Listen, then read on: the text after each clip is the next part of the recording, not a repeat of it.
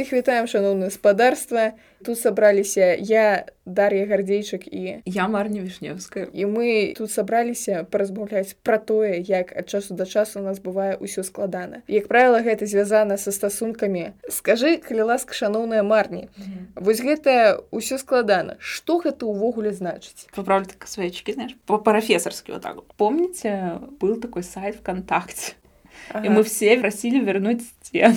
Дуров, верни стену. Вот, и, блин, тогда, мне кажется, у всех были вот эти статусы ВКонтакте, все сложно, когда что-то непонятно в отношениях, ну, как будто вы встречаетесь и не встречаетесь. И мне кажется, это вот специально. Когда вот появился ВКонтакт в 2007 году, там же мы пользовались в основном ну, подростки, там яшчэ па запрашэнню трэба было рэгістравацца памятаеш такую фігню да ты гонишь ну табе трэба было каб хтосьці хто клабхаус Так, у гэтым прышпіл, таму што наколькі я памятаю заснавальнікі ўкантакце на такі у нас тут будзе свая студэнцкая туса і туды будуць праходзіць толькі людзі па спецыяльных запрашэннях, а потым гэта ўсё разрослася. Клабхаус пёр ідзею у ВКонтакте. Слушай, я не помню, что там было именно по приглашениям, но я помню, там вот был вот этот статус, все сложно. А это докладно назывался статус? Я помню, что статус это вот это родочек. Ну, семейное положение, там во, было семейное во. положение. Ну, это типа статус отношений, типа. Ага. Мне кажется, очень многие люди ставили все сложно в семейное положение, чтобы быть такими загадочными. Ты ставила когда-нибудь это статус?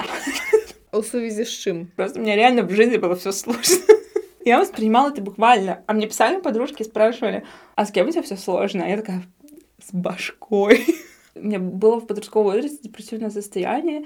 Пубертатный период, там гормоны в голову бьют, тебе плохо просто от всего, от этой системы, в которой ты живешь, типа с этими предками. Я так сама ставила недзе у приблизно таким же самым узросце сярэдняя школа і у мяне быў аднакласнік з якім сапраўды было ўсё складана пачынаюцца гісторыі пра былых недабылых быў у мяне такі аднакласнік люшчыка я была ў лёшчыку закаханая ну вось прыблізна колькі мы ў школе вучыліся столькі я была ў яго закаханая колькі 11 гадоў не 9 у девятым класе адбылося нешта пра што я распавяду далей значыцца я была закахана ў лёшчыку а каб вы разумелі шаноўнае спадарства і марні памятаеце десятыя годы і што было на хайпе і хто быў на хайпе былі на хайпе вось гэтыя Джастин бібер не хлопчыкі які не такія як усе мы их называлі не такусікі яны былі падпісаныя на Дмітрия ларына і увогуле Дмітрий ларен ён быў секс-сімвалам чамусьці для большасці маіх знаёмых для цябе таксама А хто такі что с тобой не так мразь быў такі чувак які кшталту пафігіст атэіст я не веру у пачуцці ну вось такое большинство людей понятия не имеет что такое любовь и что с ними происходит когда они якобы влюблены оно и к лучшему яшчэ на хайпе былі усякія групкі ўкантакціку тым жа кшталту вось якраз пафігіст атэіст чорны гумар постнавука. Абавязкова трэба было сабе на сценку рэпосціць якую-небудзь цытатку пра тое што каханне гэта ўсяго толькі хімічнай рэакцыяй лёшка якраз быў такім маладым чалавекам у свае 13-14 год. Русыя валасы блакітныя вочы акуляры. Ён значыцца хадзіў у рубашках у касцюмах. Ён цікавіўся там фізікай матэматыкай палітыка сацыяльнымі пытаннямі а яшчэ пра біялогію. Ён такі блин тупыя людзі якія вераць у Бога. Усім зразумела што гэта ўсё зрабіла эвалюцыя. Вы што вы дарвіна не чыталі? Лёшка канешне таксама не чытаў дарвіна але чытаў за той астаткі ў кантакце я была ў яго закаханая Таму што ну а як у десятые гады можна было ў яго не закахацца? І ў прынцыпе там усім было зразумела што ў яго да мяне таксама нейкія пачуцці ёсць. Мне пра гэта казалі яго сябры мае сяброўкі. Вось яны мне ўсе хорам казалі даша ты мусіш яму прызнацца ў каханні ідзі там прапануй яму спаткацца вы просто вы ж створаны адзін да аднаго красей калі гэта зрабіла а мы тады ездзілі з класам на экскурсію ў мінск каб вы разумелі людзі якія не нарадзіліся ў мінску і не валодаюць такім прывілеем яны мусяць ад часу да часу ездзіць у мінск на экскурсію і вось тады я яму сказала што ён не падабаецца ён не адказаў нічога а потым мы вярнуліся ўжо ў аўтобус і я мне яго сябар прапанаваў памяняцца месцамі каб кшталту я сидела з лёшачкай і вось у нас была гэтая магчымасць пагаварыць а ён там пойдзе на маё месца і вось праходзіць лёшачка глядзіць што я там сяджу нічога мне не кажа это как шталту ну дык што там лася я такі адстань праціўная Оу, жесть, ниже пояса. Я не ведаю, куды ніжэй і я такая устала і пайшла а маё ж месца ўжо занята і гарацей все скончылася тым што я сидела там недзе на апошніх самых месцах там ведаеце вось гэта ідзе чатыры месцы разам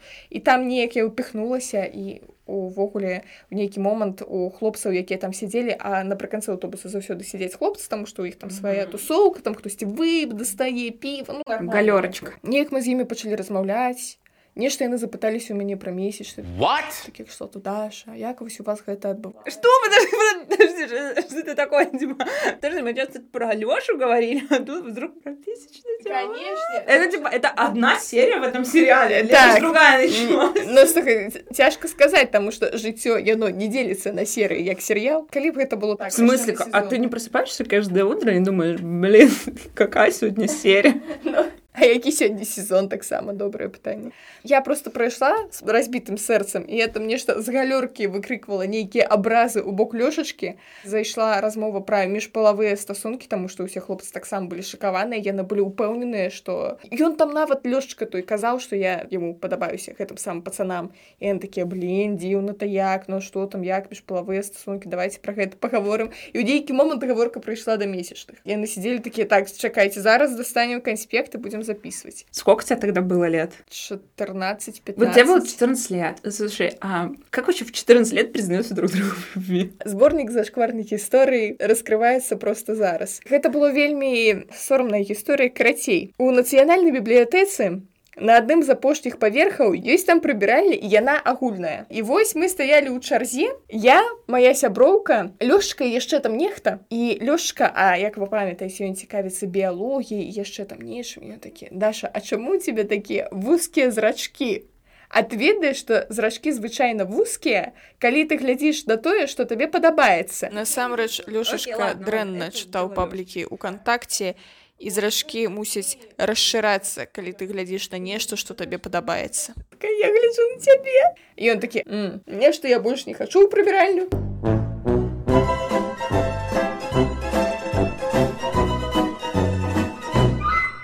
Не кажучы уже про тое, што я прыехала з экскурсіі і ляжала на канапцы ў позе эмбрыёна некаторы час, таму што ў мяне было разбітае сардэчка, у мяне было адчуванне, што ў мяне недзе у грудзі проста дзірка, якую трэба заткнуць, і я яе затыкала каленямі ў позе эмбрыёна. Ну прыблізна так гэта адбывалася літаральна. Я прыйшла ў школу і лёшка сябе паводзіў так, як быццам нічога не адбылося.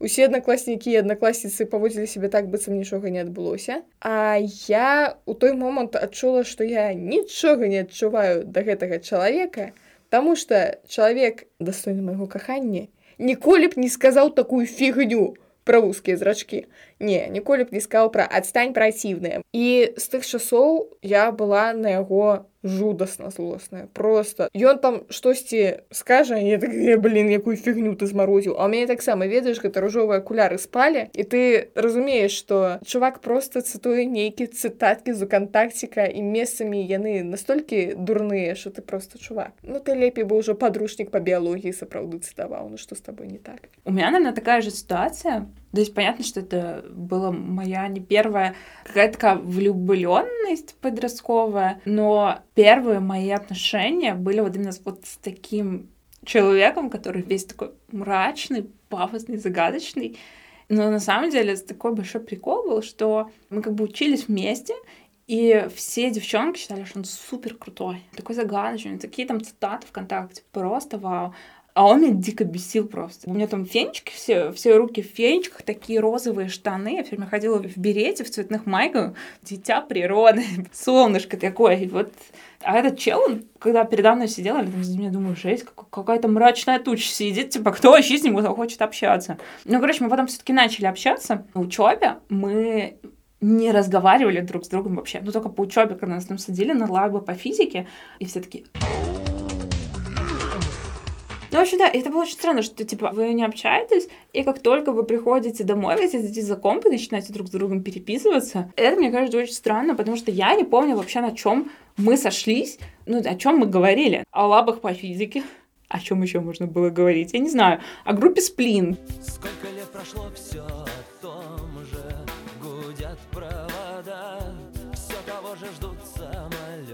У группа Сплин, я помню, я увидела у него в- на ВКонтакте на странице, что у него какой-то пост в группе Сплин, и я думаю, ты слушаешь такие офигенные группы, как и я. Типа, ты мне не нравишься, а ты, ты группы слушаешь. Вот. Ну, не знаю, потом что-то произошло. Блин, я вообще, я пытаюсь вспомнить наши отношения иногда. 10 лет прошло, я вообще ничего не помню. Ну, то есть, я помню, что мы сосались на скамейке, мы сосались у подъезда, что-то говорили по телефону, после того, как вместе провели везде на учебе, еще по телефону говорили. Что мы обсуждали вообще, я не помню. Ну, то есть, когда мне было 15 лет, я ходила в костел. воскресную школу. И ездила в протестантские лагеря в детстве на лето. Чекай, чому ти ходила у костел, а лагеры были... Это другая история. Вот я была мультикультурным человеком. Это единственные лагеря, в которые меня отправляли, а он был атеистом. Что-то ссорились и прочее. Но я помню, что конец этих отношений был типа жесткий. Да я просто в один день ему позвонил. Понятно, что мы там и ссорились и прочее. Но как бы он мне сказал, что все, типа, не звони мне больше. Мы расстаемся. Я вообще не поняла прикола. Ну, я была расстроена, у меня еще какие-то были проблемы в семье, я что-то позвонила. Вот. А на следующий день я прихожу, подхожу к его в парте, он мне просто что-то говорит, отойди, противно, это не прямо так, но что-то очень грубо было. Все это слышат.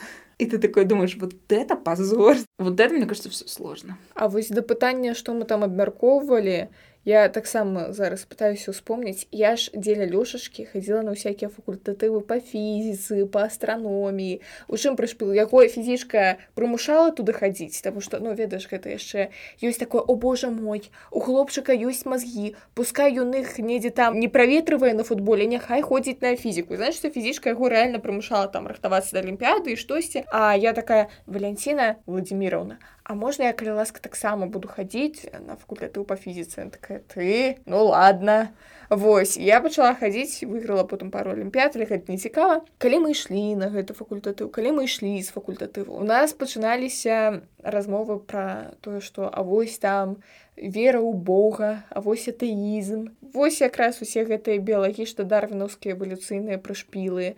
А што наконт нейкіх там сацыяльных з'яў у гэтым грамадстве? А чаму некаторыя людзі ставяцца так а некаторыя вось так? А што не так з нашымі настаўніц Ну вось карацей нешта такое пачынала разганяцца. Таму мне падаецца што двое людзей якія чытаюць аднолькавыя паблікі ўкантакце яны змогуць знайсці пра што паразмаўляць але вы чыталі розныя паблікі у мяне такое адчуванне што ён быў такі рэальна Дзіма Ларен а ты была Боб Марлі Боб Марни. Хорош.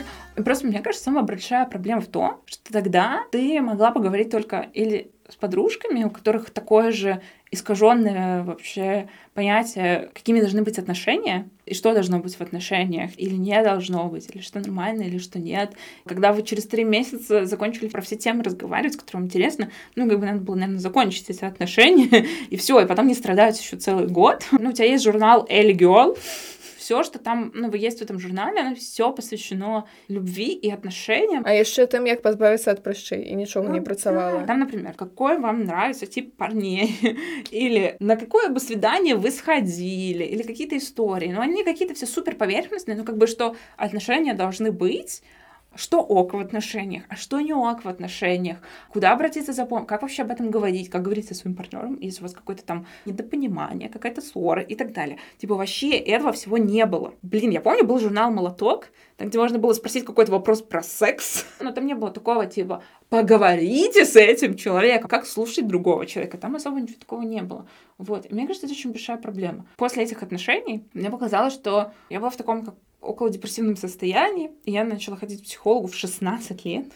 Вот, потому что я вообще типа потеряла смысл жизни, я думала, что все, моя жизнь закончилась Потому что отношения закончились. Тебе с детства говорили все эти журналы, что у тебя должен быть парень, именно парень.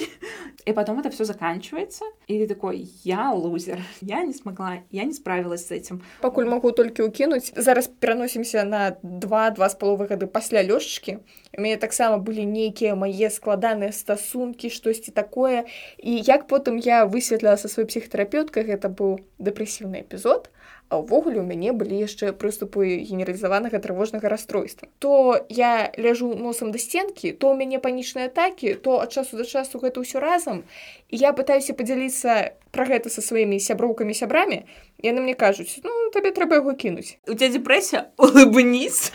трэба кінуць гэтага чувака з якім у цябе ўсё складана я ўжо лагічна разумею что крышку не ў тым сэнс то бок у мяне панічныя атакі тут просто вось кінь гэтага знайдзі іншага яно так не вырашаецца напэўна калі у цябе ўжо нейкія фізіялагічныя пайшлі праявы і я разумею што гэта булшит крышку. Але нічога іншага мне не могуць параіць мои 17-18 гадовыя сябры і сяброўкі. І што тады было за псіхалагічна псіхатэрапеўтычнай вось усёй гэтай гісторыі у вольным доступе былі відосы веранікі сцяпановай. Сегодня я расскажу вам, как приучить вашего любимого человека лизать вам писулечку, да? Ну а ты яшчэ не ведаеш як гэта сфармуляваць тому что ты не ведаеш такой там дэпрэсія панічныя атакі і ты разумееш што гэта нешта з башкой і ты пачынаеш гугліць псіхолог псіхалогія вот эвер тут як бы ўжо фрейда пачытала прасцей не стала давайте пагуглім там нешта пра псіхолагаў і вось з'яўляюцца відэа веранікі сцяпанавай а яе праблема не ў тым як мне падаецца зараз што яна у божа мой некампетэнтна а ў том што она займаецца віктым блеймінгам увесь час то бок яна кажа Чаму ты абіраеш гэтую дэпрэсію ці пра трывожнасць што а калі б у цябе было там дастаткова фізічнай нагрузкі ці чагосьці то у цябе не было б ніякай трывожнасці і ты просто сядзіш з адчуваннем што і так з табой нешта моцна не ў парадку табе яшчэ псіхолог вераніка сцяпанова клінічны псіхолог сказала пра тое што ну сапраўды з табой ўсё не ў парадку і ты сядзіш такая блин А чаму я абіраю скаціцца ў дэпрэсію ну А я хотела просто ремарку сказать, что первым моего... вот Я обычно в своей жизни говорю партнер, но это, это не партнер, это реально был парень. Ну, короче, он тоже был Лешечка, но он был не Лешечка, он был Алекс. Ну, такого человека не могли звать Лешечка. После Алекс был Алекс номер два. Мне было 16 лет. Тогда это называется рассталась. Сейчас это говорю, вышла из отношений. Тогда это называлось рассталась. Тебя киданули, подруга, вот так это называлось. Спустя пару месяцев я познакомилась с другим Лешечкой на концерте. Танцевали там наверное, два медленных танца, потому что там были медленные композиции. вы на сплин что ли ходили Нет, не на сплин, на затупс. Такая была группа белорусская. Do you remember the time, baby? I don't think so. Что самое интересное, ну то есть э, ты потанцевала два раза с э, каким-то челом на вот этом концерте. Он потом там где-то исчез, там со своими, друзьями. Причем он был такой пьяный. Вот. А тебе 16 лет. Короче, знаешь, что я сделала? Я прошертила весь список ВКонтакте. Вот было тогда какие-то мероприятия, типа там люди говорили, я приду. И я была тогда с подругой, она такая, ты должна ему написать. Я говорю, что я знаю, как его зовут, а она такая, это Лешечка. Стопудняк, стопудняк. Его зовут Лешечка. Я говорю, окей, я проверяю всех людей, которые в этой группе находятся, в этой встрече. И теперь, если он Лешечка, то я проверяю только имя Лешечка. Ну, и все производное от имя Лешечка. Вот, и то бок ён алексей реально да, да, я, я не шучу, типа, был подписан реально Алекс по-английски. Вот, в ВКонтакте тогда модно было это, там еще не со своей фамилией, а с псевдонимом. Ну, это, короче, реально был он. Я написала, типа, мол, привет, мы там классно провели время на концерте. Понимаете, тогда не было Тиндера, ребят, но там так знакомились. Начали переписываться, я подумала, прикольно, типа, ну, знаешь, ужасно, типа, это выбивать клин клином. Тебя бросил парень. Ты находишь парня, который даже внешне похож на твоего бывшего парня. Его также зовут, и ты такой, ща пилюльку на сердце примем вообще, мне это так поможет. Но тебе 16 лет, никто не говорит, что типа подруга просто продолжай ходить к своей психологине и не думай об этом. Мы начали типа общаться, переписываться, и я такая говорю, может там куда-нибудь сходим, погуляем. И он мне отвечает, типа, да, давай. Место было выбрано. Парк Челюскинцев — это октябрь или ноябрь, это закрытый парк, то есть там никого нет. Везде дождь, снег, это как парк из фильма ужасов. В 8 вечера пойдем погуляем. Инстинкт самосохранения ноль, но типа все окей было, типа это потом, типа, да придумываешь уже, ну, Лёш, что ты делала в 16 лет? Ну и, короче, он мне написал, что он на третьем курсе. А я сказала, а я на втором. Но я-то была в колледже. Мне было 16 лет, ребята, а ему было на 7 лет старше, чем я. Ему было 23. Тогда мне казалось, вау, это классно, чел старше. Ну, в общем, да, мы начали общаться, в какой-то момент поцеловались. Вы не говорите, что вы парень, девушка, ну какие-то у вас начинаются вот эти все сложные отношения, потому что в какой-то момент он тебе начинает намекать на секс. А ты такая, чел, мне 16 лет. Наверное, нам надо прекратить, ну не прекратить общение, но что это Наверное, не для этого периода в моей жизни. Возможно, когда мне станет 18 лет, то есть и так далее. И я думаю, у меня еще была голова на плечах, это сказать. Кніга была занадта асэнсаваная, таму што мы у свае 16-17 год ну па-першае у мяне у 16-17 там было адчуванне крацей до 18 што усе ўжо так а я яшчэ не у маёй сяброўкі там значыцца стасункі бурныя палавыя прыгоды з адным хлопцам з другім хлопцам з трэцім пятым десятым і я тут сижу такая добрый день я снатливка Ну, понятно, что у меня были какие-то до этого отношения, и мы иногда не только тусовались, мы там могли там потрогать друг друга и так далее. То есть, ну, типа, ну, мы как бы не вчера родились, ну, то есть 16 лет, типа, там, гормоны и прочее. Но это не означает, что мы там, типа, в щечку целомудренно целовались, но у меня не было до этого вот прям секса, сексуального опыта. Ну, и ты, наверное, понимаешь, что, типа, нет, наверное, не прямо сейчас. Ну, может быть, потом, может, там, через полгодика, год. Я сейчас так сижу, анализирую, что типа, блин, мне 16 лет было. Я понимаю, что это возраст согласия, но все равно, типа... Слухай, ну гэта такая гісторыя у прынцыпе розніца ў 7 год калі вы дарослыя яна норм то бок там табе 33 чуваку 40 ну якая розніца разница? калі табе 16 а яму 23 і тут больш пытанняў канешне да яго таму што як не закахацца ў Слушай, чувака типа- якому 23 Вот это, и потом после этого началось все сложно, потому что понятно, что мы сразу не начали общаться как друзья. Или на какие-то там, ну, мы не говорили, что это типа свидание, но какие-то вещи, когда ты просто идешь в спальню, и потом вы вдруг целуетесь, ну, это вряд ли дружеская посиделка. Что ты ведаеш пра сяброўскія пасядзелкі мае менавіта так і праходзяць И получается так, что мы как бы еще как бы условно поддерживаем отношения. Он там иногда появляется в моей жизни, иногда исчезает. У него иногда еще бывают девушки между этим всем. А иногда он с ними расстается и приезжает просто тебя посреди ночи. Блядь, мне 17-18 лет. Что, типа? Я иногда как вспоминаю этот момент. Ну, это просто жесть, типа. А потом случилось просто, мне было уже 17 лет, через год. то вас год гэта ўся фігня працягнулася Спойлер, 5 лет. Но через год я такая поняла, что можно попробовать заняться сексом. И мы с подругой устроили вечеринку у меня дома на двоих, плюс ее парень, ну, какой-то в скобочках все сложно. А потом я такая, блин, надо пригласить Лёшечку. вы вырашылі зрабіць оргію Нет, мы не сделали оргию, но в тот момент, когда приехал уже Лёшечка, уже, наверное, был там час ночи, и я была просто в дупель пьяная. 17 год ай-яй-яй-яй Опустим этот момент. Слушайте, я училась в колледже. Это все делали в колледже. И я помню, что мы тогда реально занялись сексом. Я ничего не помню. Я была настолько пьяная, я не помню свой первый секс. Типа, когда мне говорят, что первый секс это восхитительно или ужасно, у меня просто просто белый шум. Я вообще ничего не помню. Я просто помню, что это было. Я не помню, типа, долго, медленно, плохо и так далее. Ну, типа, ничего не помню. Я только утром написала ему ВКонтакте, слушай, а мы вчера занимались сексом с презервативом или без? И он такой, с презервативом. И я такая, ок, я тебе верю. Слухай, з іншага боку што рабіць у такой сітуацыі пытаць у яго а дзе ён пакажы Ну, да, ну, понятно, что ты не спрашиваешь об этом, но в смысле все равно, что, типа, это ты у него спрашиваешь, тебе не человек пишет, типа, прочее, который более опытный, у которого есть в этом опыт, который, как бы, понимает, что это был твой первый секс и так далее. Он знает об этом, потому что ему говорил, типа, нет, до этого год назад. И после этого мы все равно не в отношениях. Мы это вообще никак не обсуждаем. И вот просто у нас такие отношения еще продолжаются года два. Вот это реально все сложно, мне кажется. Ну, иногда у нас были такие моменты, что приехал ко мне в гости, мы что-нибудь там поделали вместе, мы, например, когда сидим на диване, мы не сидим, типа, в метре друг от друга, а мы сидим плечом к плечу, типа, понимаешь? А потом я через неделю смотрю, у него статус с новой девушкой. кананічна ўсё складана И ты не понимаешь в таком возрасте, что еще происходит. Если у меня сейчас были такие отношения, типа, они бы закончились на следующий день. Я реально говорю. Что-то непонятно, что ты словами не можешь мне сказать. Да, мы встречаемся, мы не встречаемся. В отношениях, мы не в отношениях. Какие у нас вообще планы друг на друга? Не можешь ответить? Пока Слухай увогуле на гэта а мы ў стасунках ці мы не ў стасунках заўсёды ёсць універсальны адказ не вынасі мне мозг Мне кажется, мы так не говорили, типа, друг другу не выноси мне мозг, но как бы...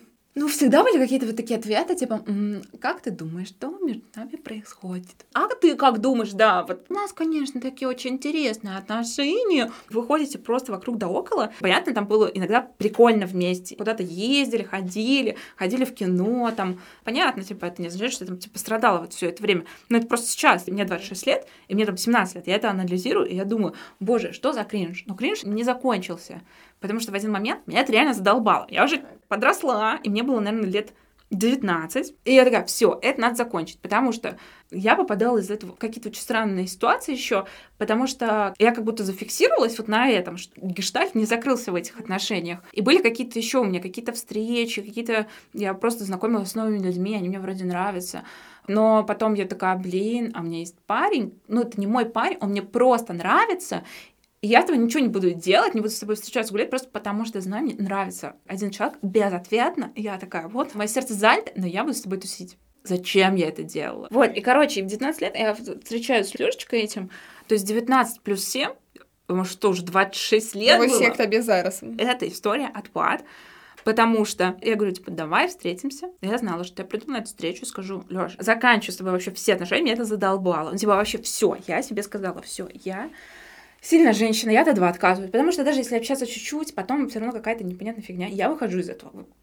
Мне кажется, для 19 лет это круто, правда? Круто. Круто. Послушаем до конца эту историю.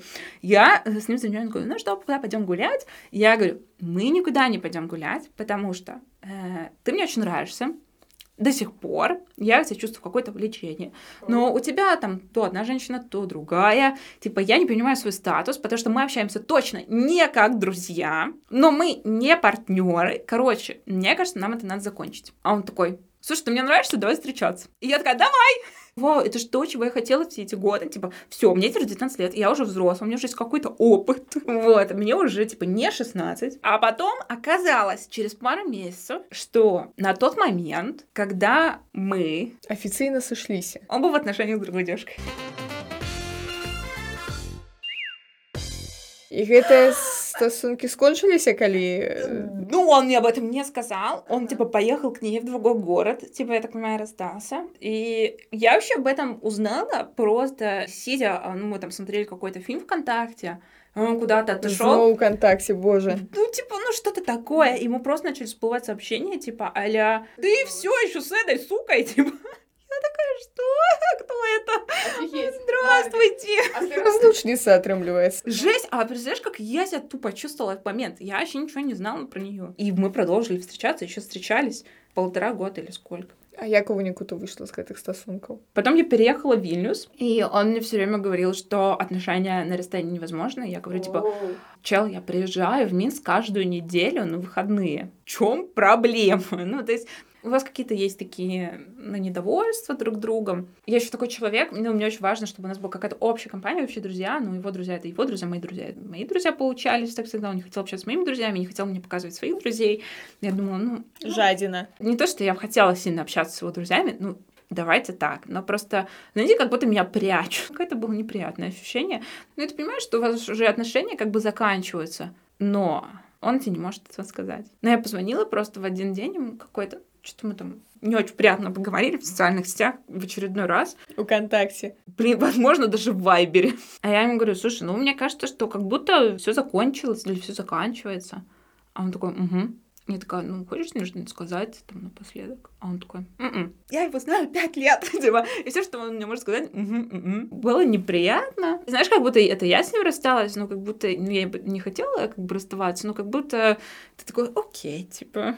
Давай мы з табой неяк размяжуем вось гэтую сітуацыю таму что можа быць сапраўды у нейкай дзяўчыны якая нас зараз чуе вось такія незразумелыя стасункі калі яна кшталту friends with benefits калі яны быццам бы сябры але часу да часу яны займаюцца сексам яшчэ нешта і вось калі дзяўчыне ок у такіх стасунках то можа і не варта ёй казаць бяжы адтуль Нет, конечно, нет, конечно, не важно. Ну, Это ж, да я ж про то, что наоборот, типа, ну, мне нравился этот человек. Я точно знала, что мы точно не друзья, что у меня нет никому к нему дружеских чувств, ну, в том плане, что я не могу просто с ним дружить. Он мне нравится, ну, хотя какое-то другое отношение к этим людям.